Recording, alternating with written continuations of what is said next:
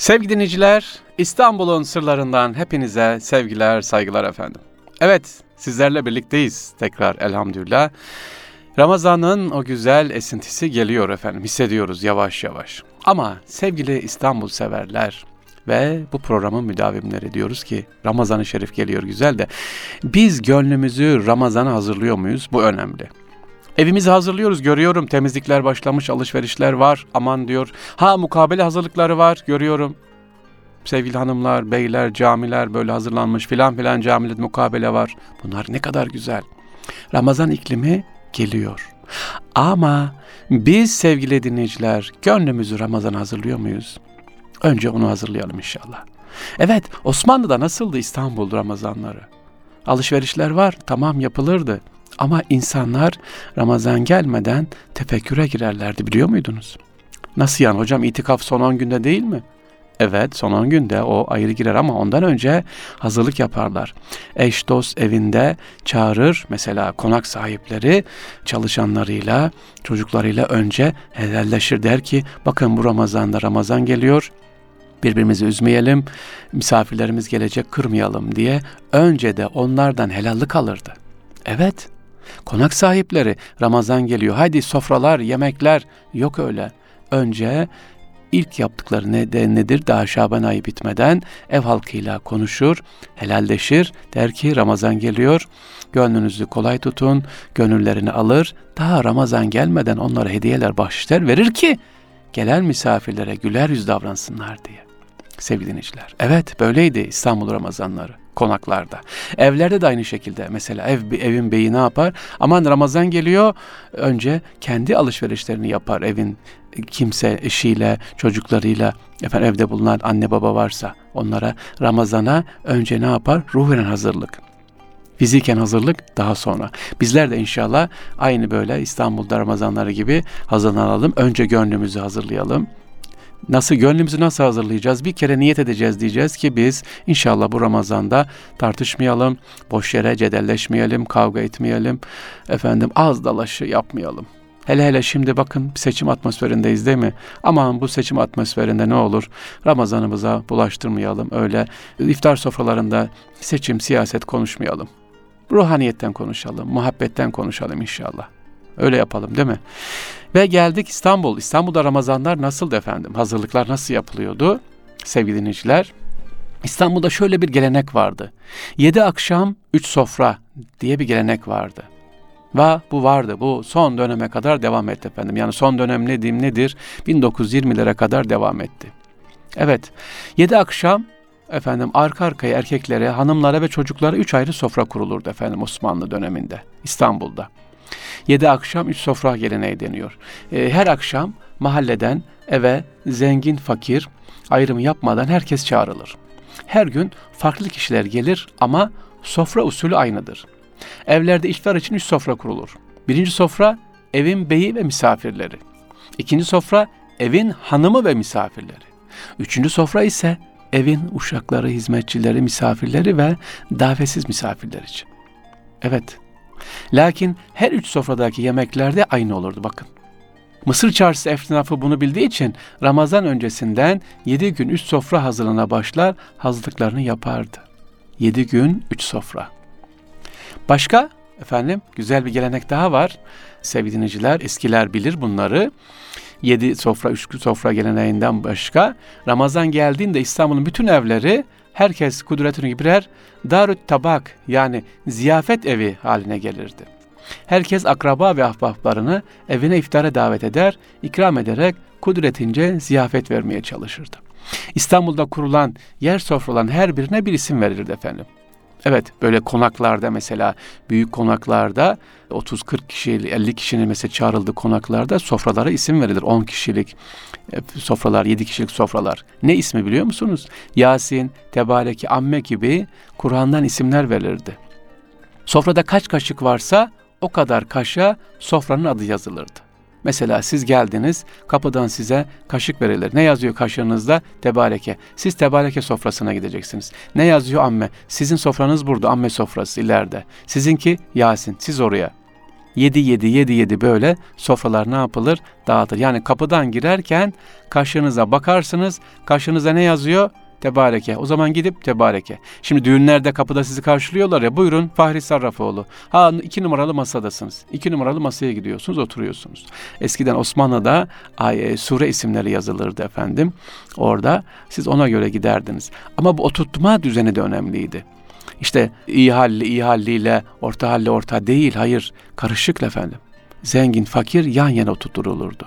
Yedi kişi yan yana yedi kişi yan yana. Sepetin içerisinden ha bir de kapıdan gelip de ha biz bunu tebareke oturturalım bunu ammiye değil. Siz kendiniz seçersiniz kaşığınızı. Alırsınız karşınıza ne çıkarsa ne gelirse. Sepetin içerisinden kaşığı alan misafir hangi sofranın kaşığı e, eline gelmişse o sofraya otururdu. Böylece sofralarda ayrımcılık da önleniyordu efendim. Peki neden yedi akşam üç sofra geleneği Osmanlı'da böyleydi, İstanbul'da böyleydi efendim? Ha tabii sadece İstanbul'da mı sevgili dinleyiciler? Anadolu'da da böyleydi efendim. Bu güzel geleneğimizin kaynağı şu, Peygamber aleyhisselatü vesselamın hadisi. Sizden herhangi birinizin yemek sofrası misafirin önünde bulunduğu müddetçe melekler onun için istiğfar ederler hadis-i şerifi. Bir daha okuyalım mı? Neden iftara çağırıyoruz? Sizden herhangi birinizin yemek sofrası misafirin önünde bulunduğu müddetçe melekler onun için istiğfar ederler. Evet, şimdi sevgili İstanbul'un sırları severler, Erkam Radyo'nun değerli dinleyicileri. Burada bir nezafet, bir incelik var. Diyor ki, yemek sofrası misafirin önünde bulunduğu müddetçe. Ama biz ne yapıyoruz bazen görüyorum. Bitti mi çorba hemen daha son kaşığı alıyorum. Pat gidiyor. Ya biraz bekle dur, dursun. Ya da işte salata var hemen pat alıyor. Bekle. Ne diyor hadis-i şerifte? Misafirin onun önünde bulunduğu müddetçe. Eskiler ne yapardı? Kaldırmazlar da güzel bir dua adetimiz nasıldı? İşte yemek bitti, o masa temizlendi, hadi dua yok. İkramlar dururken dua yapılır. Bekleyin. Daha nasip olan vardır belki gelir. Lütfen mutfakta tabak yok ya da yetiştireceğiz diye acele acele yemeğin ne yapalım ahenkini bozmayalım. Hadis-i şerifin sırrı işte burada. Evet hadis-i şerifte ne diyor Efendimiz Aleyhisselatü Vesselam? Kardeşlerinin yiyip de artırdıkları yemeği yiyenden o yemeğin hesabı sorulmaz, berekettir. Kul dostlarıyla yediğinden hesaba çekilmez. Başka bir hadis-i şerif, kul üç yemekten mesul değildir. Bunlar sahur, iftar ve dostları ile yedi yemektir. İşte bundan dolayı İstanbul'umuzda yedi akşam en, e, ve üç sofra geleneği devam etmiştir sevgili dinleyiciler.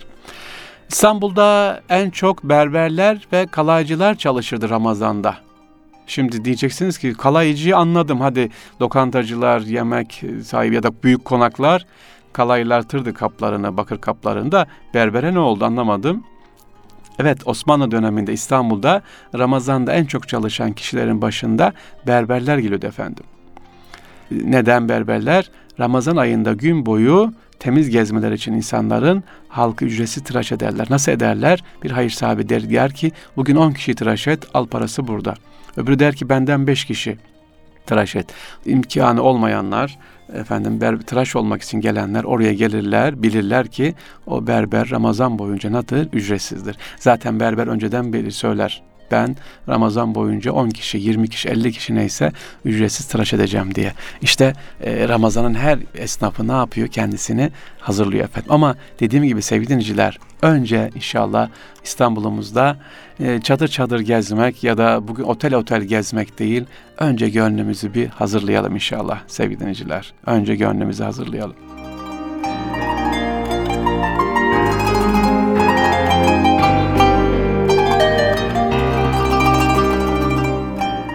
Sevgili dinleyiciler, şimdi İstanbul'un sırlarında bu sefer bir zatı anlatacağım efendim sizlere. Edirne Kapı'da mezarı olan bir zat. Mustafa Itri Efendi. Edirne Kapı'yı böyle geçiyorsunuz orada Edirne Kapı şehitliğinde Mustafa Itri Efendi var. Ramazan gelince hep aklımıza gelir Itri Efendi. Itri ismi duymuşsunuz ama kimdir Itri? Efendim kendisi İstanbul Mevlana Kapı civarında Yayla eski adıyla Yaylak semtinde doğdu. Asıl adı Mustafa olup efendim kendisine daha sonra şiirlerinde kullandığı Tri mahallesiyle e, bu isim verilmiştir. Kırım Hanı 1. Selim Giray'ın Çatalca'da bulunan çiftliğindeki musiki toplantılarında büyük itibar görmüş Itri ve Sultan 4. Mehmet döneminde sarayda musiki hocası ve hanende görev yapmış. E, Sultan 4. Mehmet onu sık sık saraya davet ederek bestelediği eserlerde bizzat kendisinden dinlediği rivayet edilir. Peki e, biz Itri niye efendim anlatıyoruz özelliğine? E, kendisi aynı zamanda bestekar, e, söz sahibi Hattat efendim. Ki Ramazan deyince Itri neden aklımıza geldi? Özellikle segah tekbiri dini eserler içerisinde özellikle cami musikisinin şahesiyle arasında bulunan segah tekbiri ve salat ümmiyesi küçük bir ses alanı içerisindeki büyük ifade gücünün çarpıcı örneklerinden. Hocam ne demek e, segah tekbiri? Şu. Allahu Ekber, Allahu Ekber. Allahu Ekber, Allahu Ekber. Var ya hani La ilahe illallahu vallahu ekber. Allahu Ekber ve lillahil hamd. Evet bu bir de neydi? Allahümme salli ala seyyidina Muhammedinin nebiyil ümmiyil ve ala alihi ve sahbihi ve sellim. İşte bunu hazırlayan kimmiş? Itri efendim. Tekbirler ve selat ümmiyesi. Ayrıca Itri Mevlevihanelerde aynı şeriften önce okunan, sözleri Mevlana Celaleddin Rumi'ye ait olan ve Nat Mevlana adıyla bilinen Rast Nat e, sağlam melodik yapının olgun bir göstergesi ki onu da Itri ne yapmış? Hazırlamış efendim. Mevlevi ayinlerin en güzel örneklerinden olan Segeh ayini de yine biz bunu ne yapıyoruz?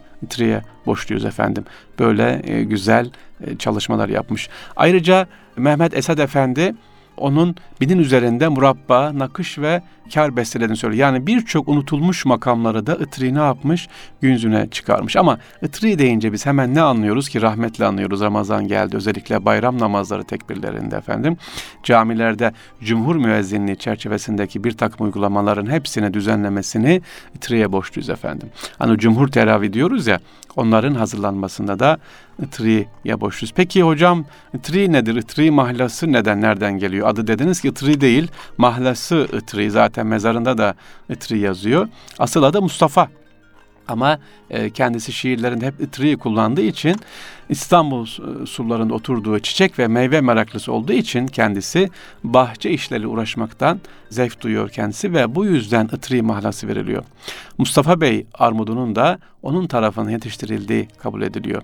Yahya Kemal Bayatlı İtri, İtri adlı şiirinde onun Türk musikisinin yerini özellikle ne yapmış? E, dile getirmiş efendim. Evet, Tri'de rahmetle anıyoruz sevgili dinleyiciler bu Ramazan'da. Mezarı nerede derseniz değerli dinleyiciler, mezarı Edirne Kapı'da e, Mısır tarlası tarafında efendim giderseniz ya da Halk Ekmek Fabrikası, İstanbul Halk Ekmek Fabrikası hemen arkasında ziyaret ederseniz iyi olur. Hayırla yad edelim kendisini değerli dinleyiciler.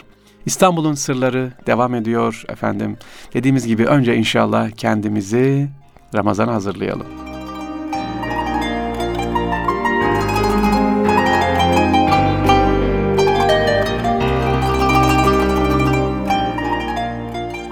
Sevgili dinleyiciler, gönlümüzü Ramazan hazırlıyoruz.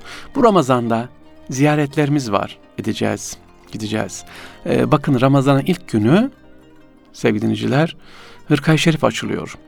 Fatih'te Hırkay Şerif açılıyor. Oraya gideceğiz inşallah. Hazırlıklarınızı yapın. Ramazan'ın ilk cuması. Ama giderken sevgili dinleyiciler lütfen manen de hazırlıklı gidelim.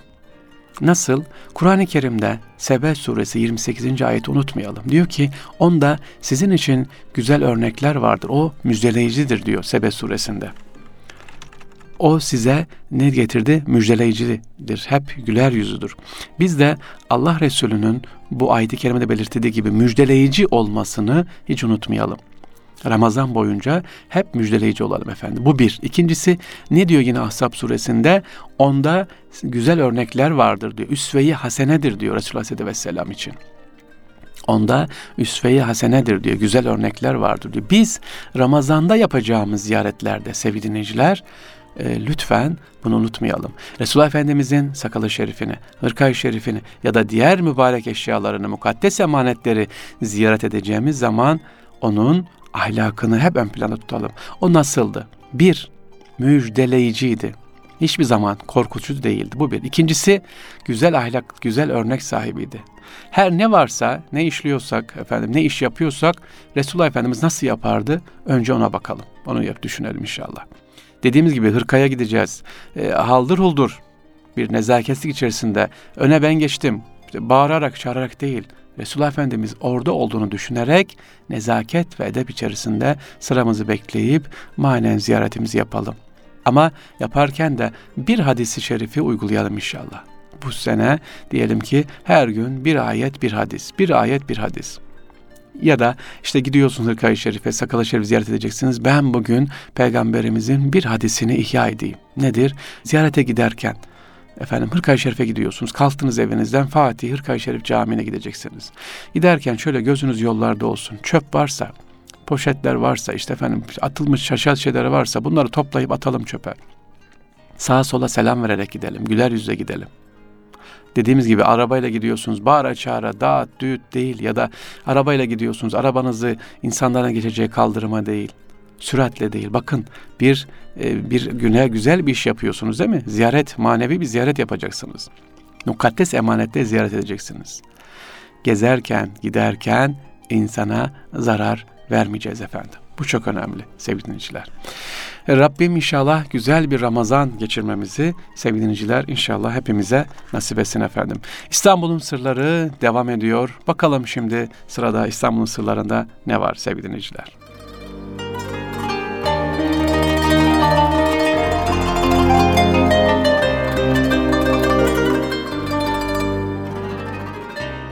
Sevgili dinleyiciler, Ramazan ayı, oruç, Resulullah Efendimizin ne diyor? Recep, Şaban, Ramazan Rabbim bize ulaştırma inşallah nasip etsin. Ee, bu güzel ayda inşallah. Efendim Ramazan'da tabii ki Resulullah Efendimizin eşyalarını, mukaddes emanetleri ziyaret edelim. Ama e, İstanbul'da bazı güzel camilerimiz var. Hikayesi güzel, farklı. Efendimiz'e hürmeten yapılmış olan camiler var. Bunları da inşallah unutmayalım.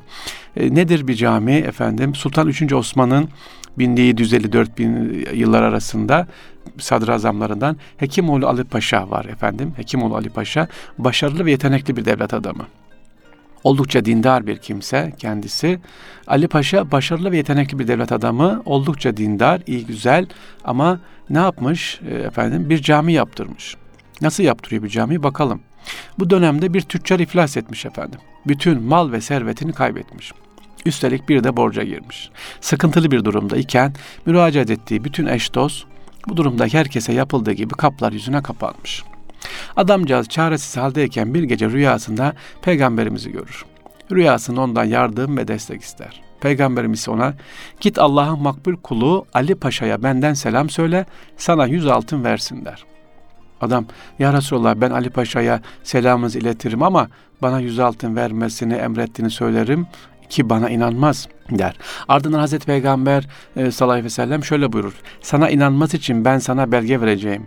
Ali Paşa bana her akşam yüz salavat-ı şerif okurdu ama geçen perşembe akşamı okumadı. Bunu ona söylersin sana inanır demiş. Sabah olunca adam hemen Ali Paşa'ya koşar, Hekimoğlu Ali Paşa'ya koşar ve rüyasını anlatır. Ali Paşa inanmak istemez ve peygamberimiz neden bana söylemiyor da sana söylüyor der. Adam ise Hazreti Peygamber'in verdiği belgeyi öne sürerek efendim ben bana inanmayacağınızı Hazreti Peygamber'e de söyledim. O da bana bir belge verdi. Siz her gece Efendimiz'e yüz selavat-ı şerif okuyormuşsunuz ama geçtiğimiz perşembe akşam okumamışsınız.'' Der. Ali Paşa düşünür, o gece hakikaten okumadığını fark eder. Bunun üzerine adama şöyle der. Peki Hazreti Peygamber sana ne söylediyse aynen tekrarla. Adam da tekrarlar. Ali Paşa'ya benim selamımı söyle sana yüz altın versin. Ali Paşa her defasında bir daha söyle diyerek tam yedi defa tekrarlatır. Adam herhalde der ki benimle dalga geçiyor diye düşünür. Ama tam tersi Ali Paşa der ki hayır sana peygamberin her selamı için yüz altın vereceğim. Yedi defa tekrarlattım. Yedi yüz altın der ve gerçekten yedi yüz altın verir efendim. Evet Hekimoğlu Ali Paşa kendi adına Mimar Davut Ay yaptırdığı cami bir başkadır. Bu caminin özelliği dediğimiz gibi Peygamber aleyhisselatü vesselamın selamıyla yapılan bir cami burası. Bu caminin özelliği şu, Ramazan ayının son 10 günü girilen itikaf odasının 3 tane var. Diğer camilerde bir, iki, üç tane olur ama bu camide üç tane var. E, niye üç tane varmış bakalım. Caminin yine çinileri çok önemli. Tekfur Sarayı'nda kurulan Çini atölyesinden yapılmış çinilerdendir. Yine caminin minaresinde güneş saati bulunmaktadır. Evet, Hekimoğlu Ali Paşa Camii'ni anlatmıştım. Sebebi neymiş? E, üç tane itikaf odası, bir tanesi hanımlar için. Evet izin alıp gelen hanımlar da buraya 10 gün boyunca Ramazan'ın son 10 gün itikafa giriyorlarmış. Nerede efendim? Hekimoğlu Ali Paşa Camii'nde.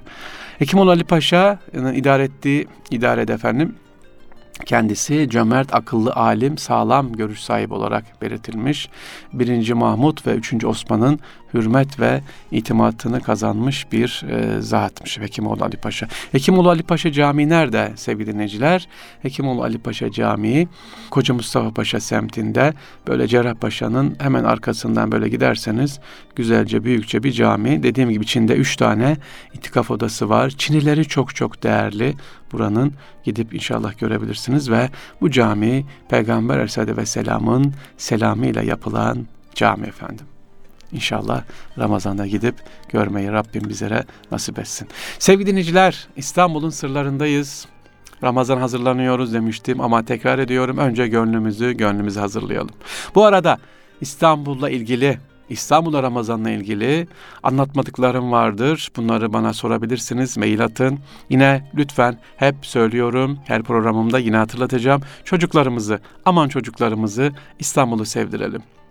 Tarihi İstanbul'umuza sahip çıkmayı nasip edelim efendim inşallah. Allah'a emanet olunuz. Görüşmek üzere.